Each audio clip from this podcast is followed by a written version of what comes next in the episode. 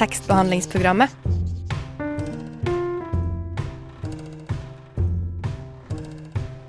Tekstbehandling på radio.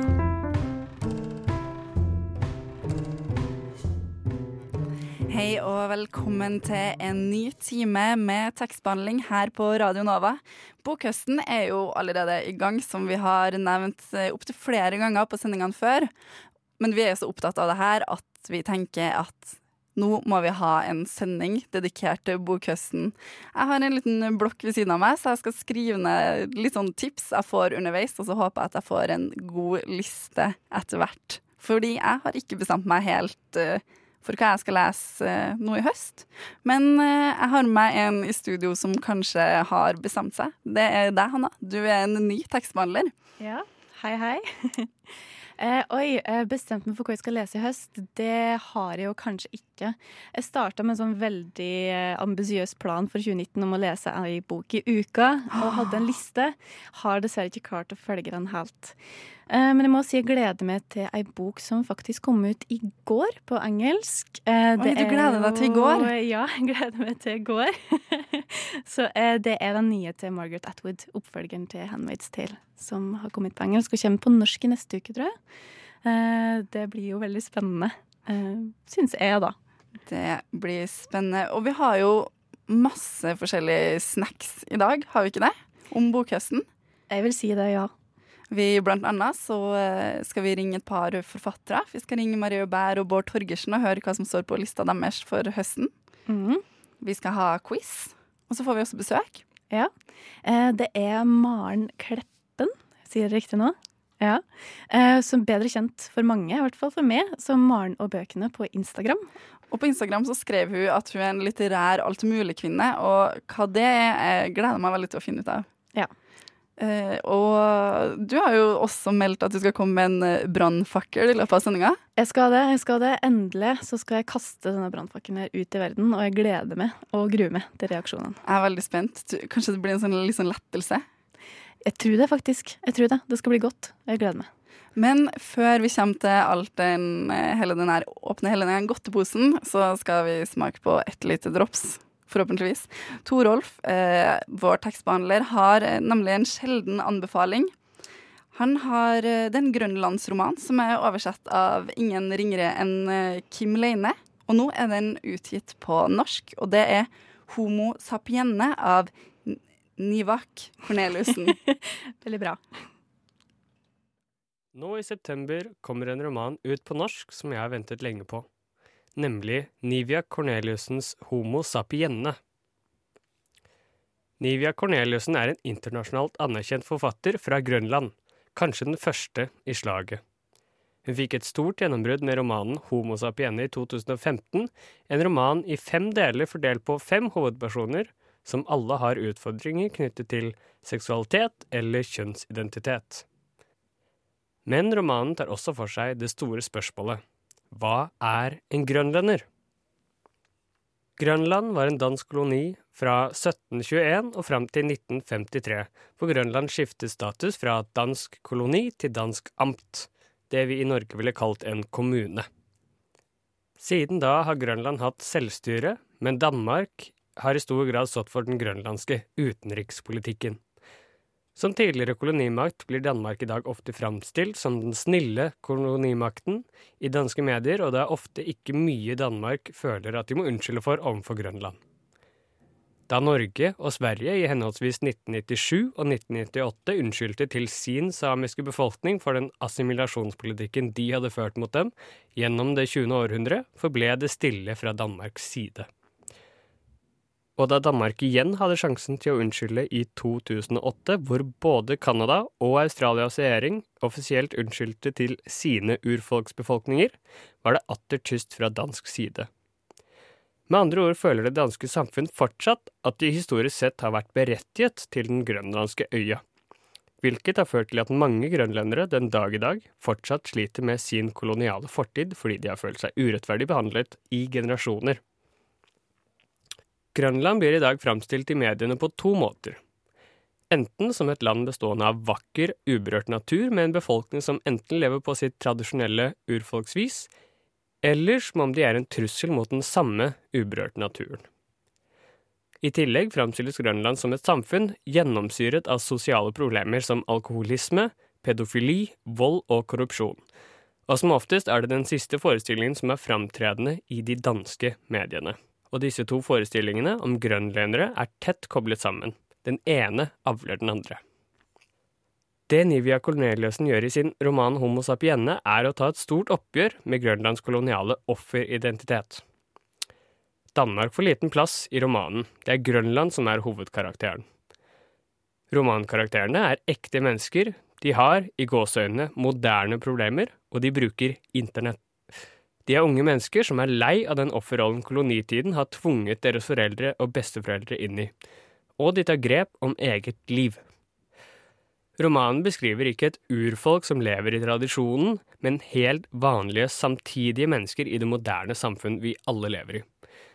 Boka gir derfor et viktig blikk inn i det grønlandske samfunn som for en gangs skyld ikke er definert av et utenforstående, kolonialistisk blikk, men av Grønland selv. Nivia Corneliussen gir et unikt perspektiv på hvordan et land som inntil videre har blitt snakket om av alle andre, har lyst til å snakke om seg selv.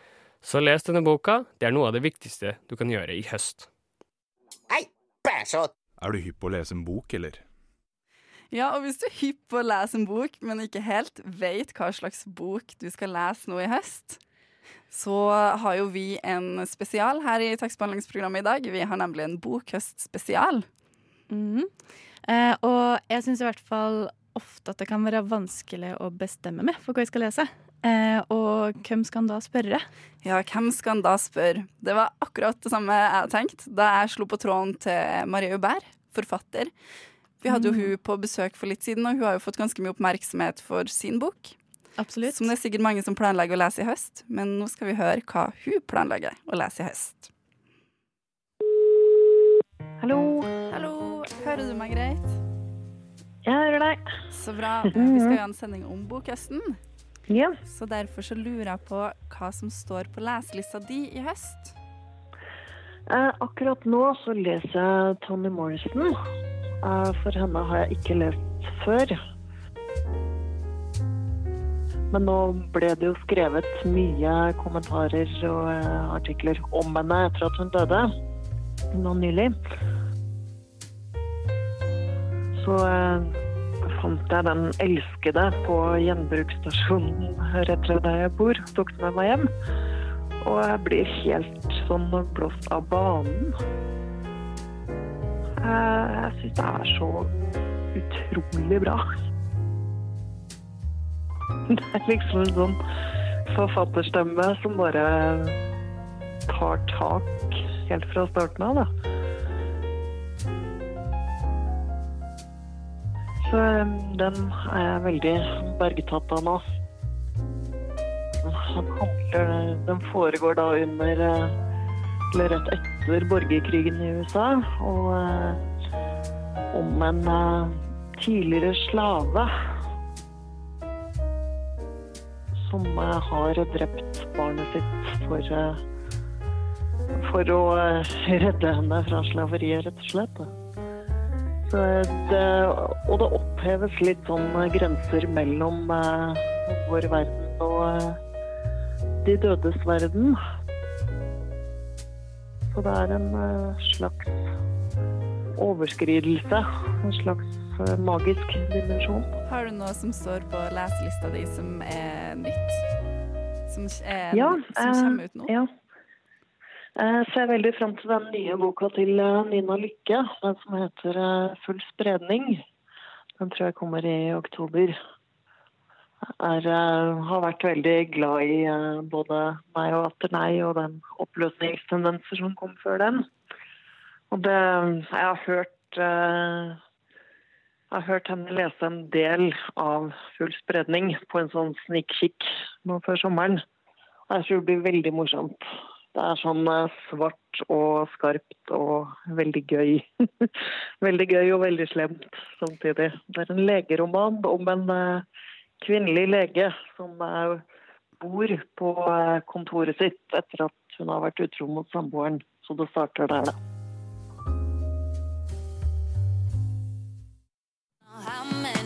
Jeg har to lidenskaper her i livet.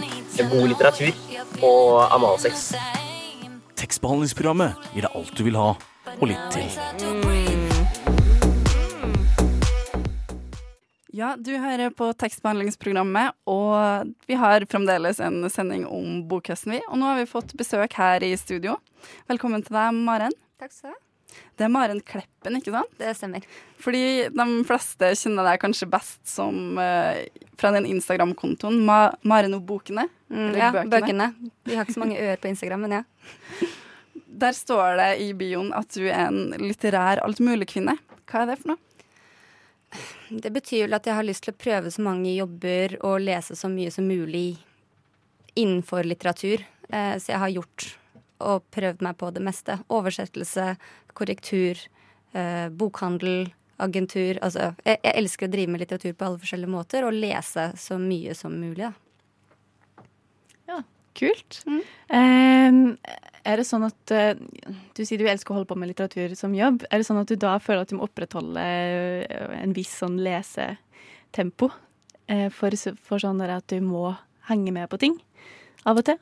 Det er alltid en liten grad av fomo, ja. Når, det Ja. Du, altså, når du ser hva andre leser. Men det er veldig mye lystbetont. Det er sjelden at du har den derre åh, nei, jeg rekker ikke, jeg har ikke tid til å gjøre sånn og sånn. Det blir bare til at man får, blir frustrert fordi man har så lyst til å komme overalt. Eh, men man kan ikke lese alt. Altså, det er ikke mulig. Så, så fort du anerkjenner det, så slipper det lite grann. Er det vanskelig å velge ut hva du har hva du skal lese?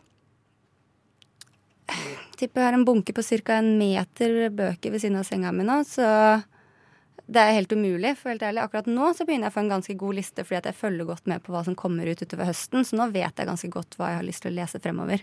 Og det passer jo akkurat bra, for det er jo akkurat det vi snakker om i dag. Hva som kommer ut eh, nå i løpet av høsten. Hva er det Mm. som står på din liste? Mm, vel, um akkurat nå så er jeg akkurat ferdig med 'Svømmehjem' av Deborah Levy. Den leste jeg på T-banen på vei hit. Ferdig. Knallstart av en bok. Utrolig, utrolig, utrolig kul. Eh, og jeg leser jo så mye av det som kommer Så nå begynner God natt Oslo på torsdag. Da prøver jeg å være litt oppdatert på hva vi skal se der. Så jeg leser opp igjen litt Lilda Davis. Jeg har tenkt å lese eh, 'Brenn Oslo brenn', Nora. Ja, den Mm. leste jeg faktisk i forrige uke. Ja, ikke sant? Så anbefalt den. Ja, det virker kjempe, kjempe, kjempebra. Eh, og så prøver jeg å få lest noen ungdomsbøker nå, fordi det er så lenge siden jeg har gjort. Så mm. Men du må jo lese utrolig fort. Jeg må, jeg må bare spørre. Det høres ut som du har et ekstremt tempo. Hvor, hvor, hvor mye bøker leser du i løpet av en uh, uke? Eller sånn Altså, hvor, hvor, hvor fort går det å lese en bok? det kommer helt an på boka. Aldri, aldri, aldri leste jeg i løpet av en dag. Sånn smekk. Eh, den, nå kommer jo snart Ravatn, og vi som jobber i bokhandel, er så heldige vi får leseeksemplarer. Så den leste jeg også på en tre-fire timer. Men sånn som en veldig kort bok, som var den siste jeg leste før Levi, var um, eh, The Magic Toy Shop av Angela, Carter. Det tok meg i hvert fall en uke. Så det går veldig an på boka. Mm. Er det sånn, eh, Du sier at du har en eh, stabel ved sida av senga. Eh, Leser du flere bøker på en gang, eller er det en og en? Eh, Siden jeg har et podkastprosjekt, så blir det til at jeg automatisk leser i hvert fall to, fordi jeg driver og leser på sporet av Den tapte tid, og det er ikke Det er et maraton. Eh, Men ja, jeg leser nok to til tre bøker samtidig, hvis man regner ut sånn. Én pausejobb-bok, en hjemmebok og en podkastbok. Det høres jo for meg helt ekstremt ut, men eh, Hvis du skulle ha valgt eh, en bok som du skulle ha lest i høst Eh, Det er faktisk Ralph Ellison, 'Hadde jeg hatt vingene'. En novellesamling som kommer ut på Solum. Som jeg ikke hadde sett noe sted før den lå på bordet i bokhandelen. Så begynte jeg bare på første side å lese, og så var det bare den heftigste skildringen av eh, en sort mann eh, i segregasjons-USA som forsøkes å settes fyr på. Og jeg fikk så frysninger på de siste timene. Jeg kan ikke drive og brekke opp bøker som ikke er mine, så jeg måtte bare legge den pent ned igjen. Bare sånn, ok, jeg skal la sjekke om en kunde kjøper den, men hvis ikke den har gått på torsdag, så er den min. Det er veldig fint. Og det virker jo som om eh, du har veldig god oversikt over de tingene som kommer i høst også. Og det passer jo veldig bra, fordi vi etterpå skal vi ha en eh, quiz der jeg skal teste hvem av dere som har best oversikt. Der har jeg trukket fram tre bøker som vi da skal teste. Hei, jeg heter Aune, og du må høre på tekstbehandlingsprogrammet. Fordi kunnskap og viten, det er det mest vidunderlige på denne jorden.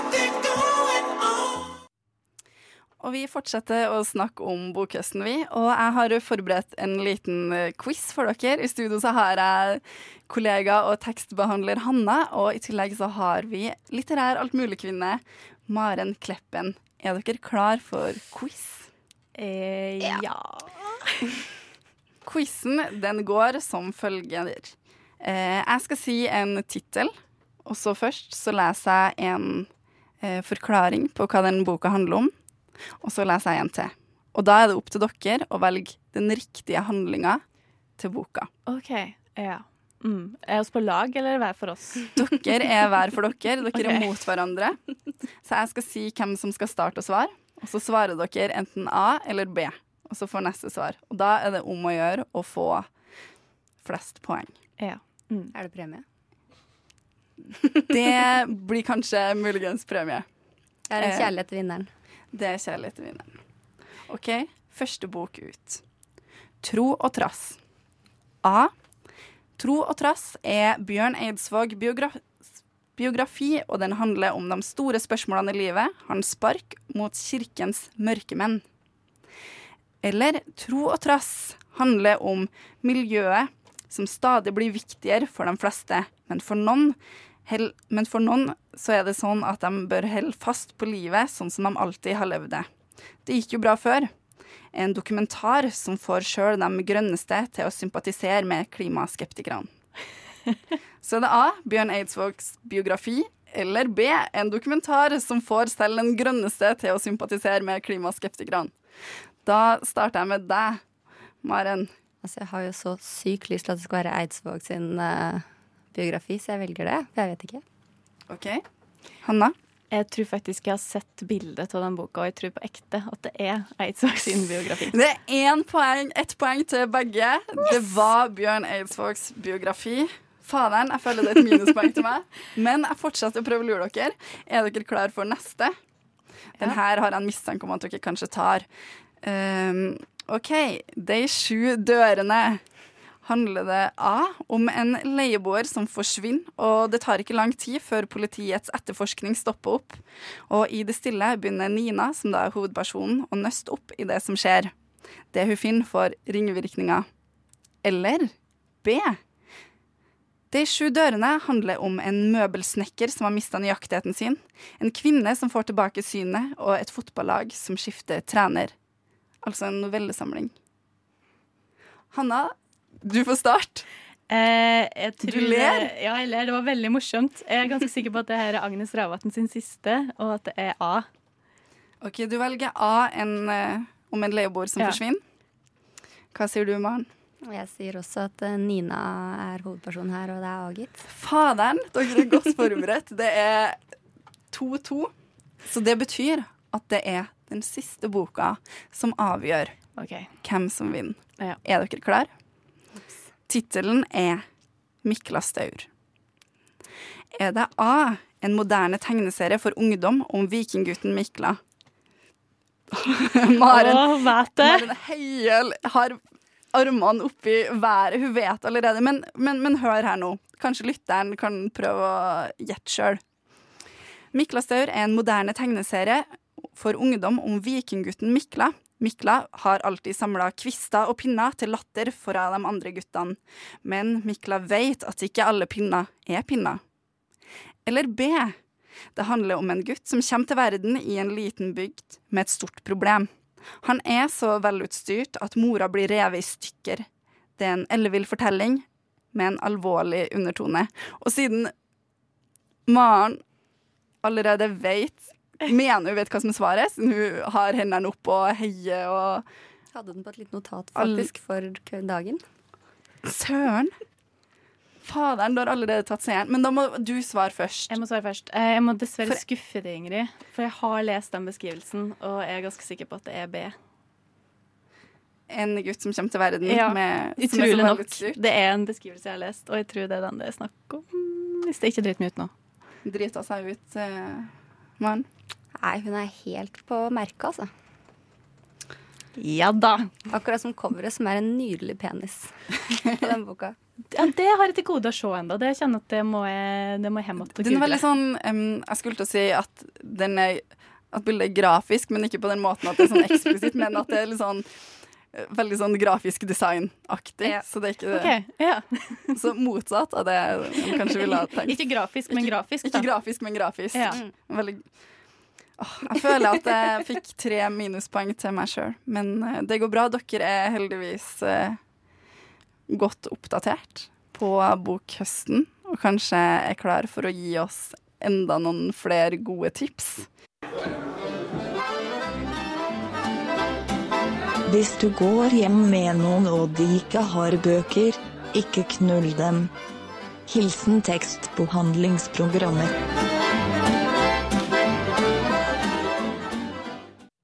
Vi har fremdeles eh, Maren Kleppen på besøk. Og vi snakker også om eh, bokhøsten. Og Maren, hva er spesielt med den bokhøsten her? Eh, Det første som har slått meg, er at Og jeg vet ikke om dere kanskje har lagt merke til men det er utrolig mye novellesamlinger i år. Ja, kanskje. Jevnt over på alle forlagene syns jeg det satses ganske mye på noveller, og fra debutanter også.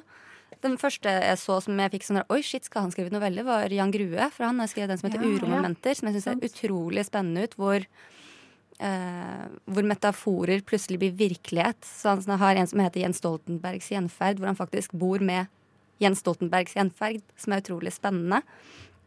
Eh, og så kommer jo Dorte Norsch, hun danske, med en ny en som heter Kart over Canada. Den kommer vel i dag.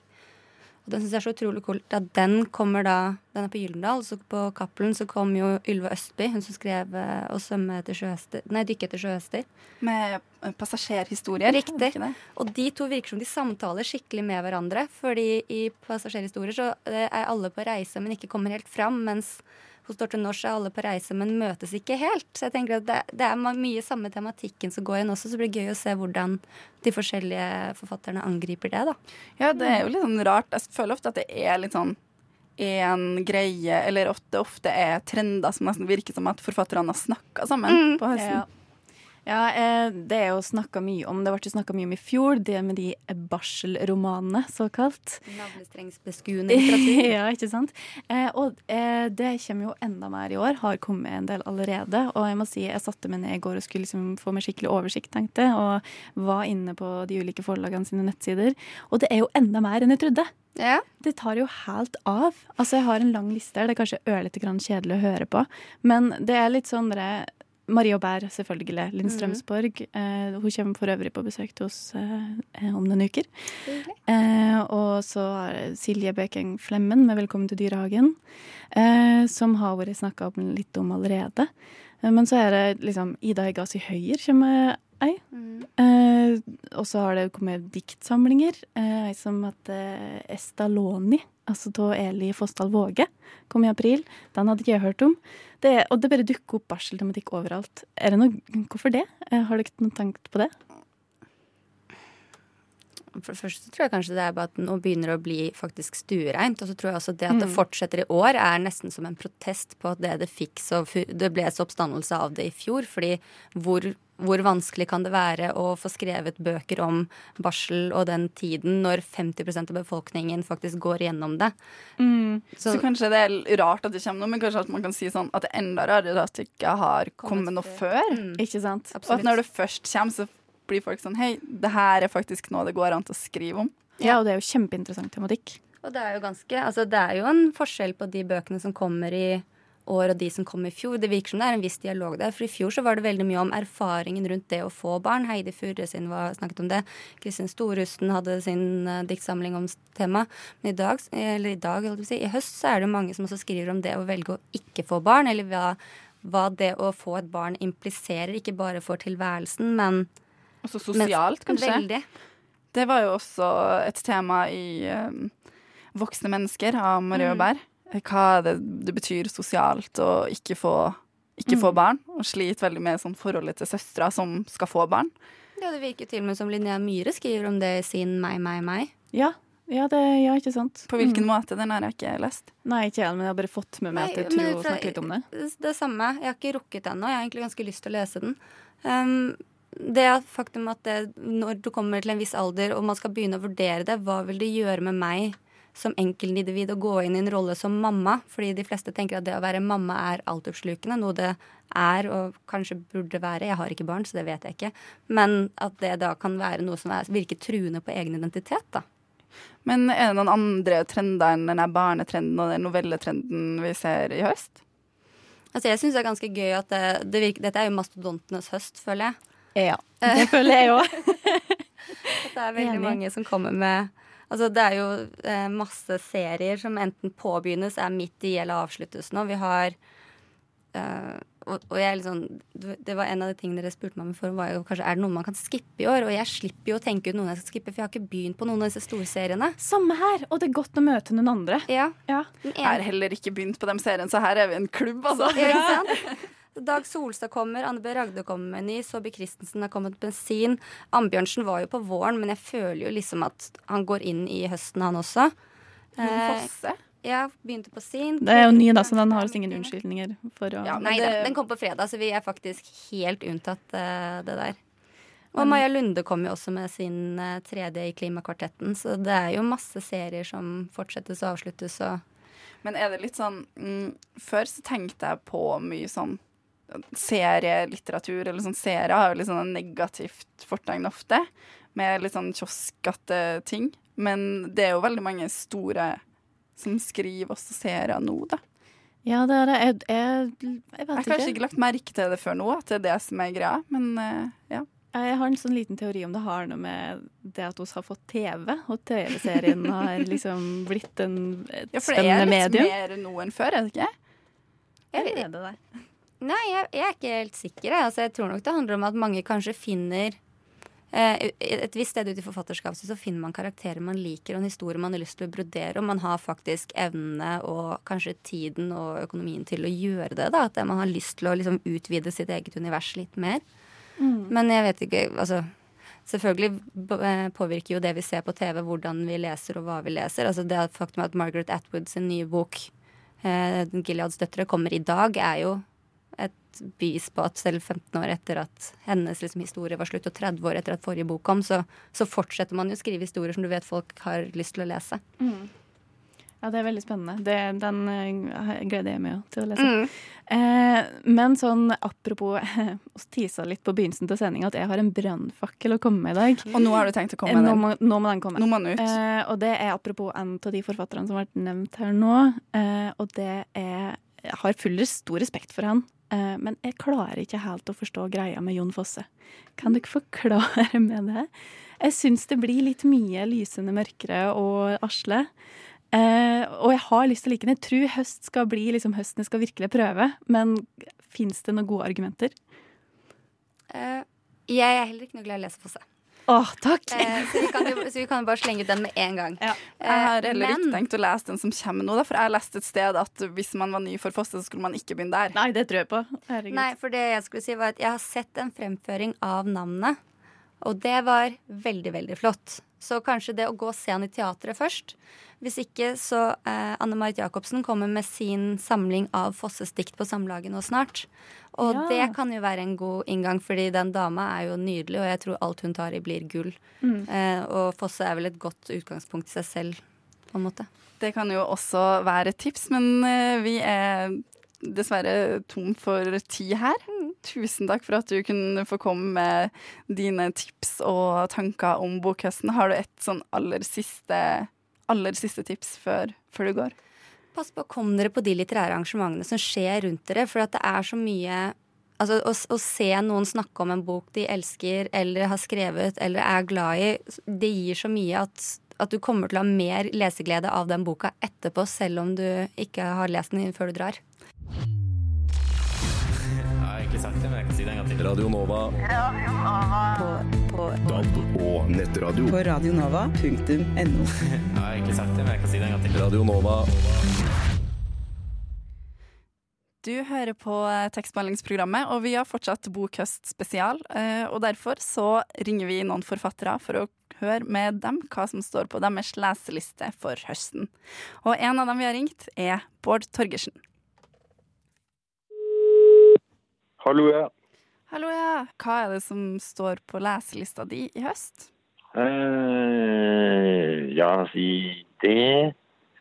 Bent på Naja Søtje Thomsen sin roman som heter 'Vi levde i går'. Jeg lurer fælt på den. Hun er en tidligere student fra tekstlinja på Westerdals. Så hun eh, lurer veldig på hvordan den romanen er. Jeg vet at hun har jobba lenge med den, og hun skrev spennende ting allerede som student. Så jeg gleder meg veldig til å lese den for å se hva det har blitt til etter så mange års jobbing. Og så er jeg nysgjerrig på den siste romanen til Dag Solstad. Jeg tror at jeg har, sett en del sånne metafysiske ting i tidligere bøkene hans. som underliggende temaer, eller at det er sånn hvordan man ser liksom, sånne ting i flere av de andre bøkene. Så da lurer jeg på om noe som har kanskje ligget under overflaten i tekster tidligere, kommer ordentlig opp til overflaten nå. Det lurer jeg på, hvordan det vil være. Og så, når jeg først er inne på sånne metafysiske ting, så er jeg spent på den bok, siste romanen til Åsne Linnestå, som eh, er en kollega som jeg liker å lese. Både poesien og romanene, men den siste, 'Johannas åpenbaringer', der syns jeg det ligger en sånn mulighet for uh, både noe veldig konkret og noe uh, kan si også kanskje metafysisk eller religiøst, eller en eller annen greie der. Og et veldig spennende omslag. Så den eh, gleder jeg meg veldig til. Og så til slutt så er jeg nysgjerrig på siste eh, romanen til, som kommer nå med Mathias Holbakken, 'Vi er fem'. Og en spennende tittel. Høres ut som det har vært fire, og så kommer det en femte til. At det blir noe at det virker som noe som er harmonisk, som plutselig ikke blir så harmonisk. Um, ja, så det, det, er de, det er de fire første omgang som jeg har tenkt å lese. Jeg leser veldig mye andre ting enn skjønnlitteratur, så de fire skal jeg gi plass til. Hallo, mitt navn er Knut Nærum, og du hører på tekstbehandlingsprogrammet. Jeg går i hvert fall ut fra at du gjør det. Når det er så mye snakk om nye bøker og bokhøsten som det er nå, så er det jo veldig lett å snakke med noen som forteller litt for mye. Ja. Som spoiler. Altså jeg må si, Er det én ting jeg hater, så er det å se sånne amerikanske filmtrailere. For da har du jo sett hele filmen. Eh, og ja, jeg vil ikke ha det tilsvarende, kjenner jeg, i bokverdenen. Men det blir jo fort det, da. Det er jo fort det. Hvordan kan man snakke om bøker og snakke om innhold uten å snakke om bøkene og uten å snakke om innholdet? Jeg vet det. Det er jo litt vanskelig, det også. Men uh, før vi tester sendingene her, så har vi jo alltid litt sånn lydsjekk. Og da er det noen ting som ofte ikke kommer på lufta. Og det vi skal høre nå, er en av de tingene. Det var fra da vi hadde Gine Cornelia Pedersen på besøk, og hun nekter å lese en del av boka som jeg vil at hun skal lese, fordi hun mener at det er spoiling. Ja, men dette kan vi heller snakke om på radioen. Ja, kanskje det. Det ble, det ble litt for spennende nå.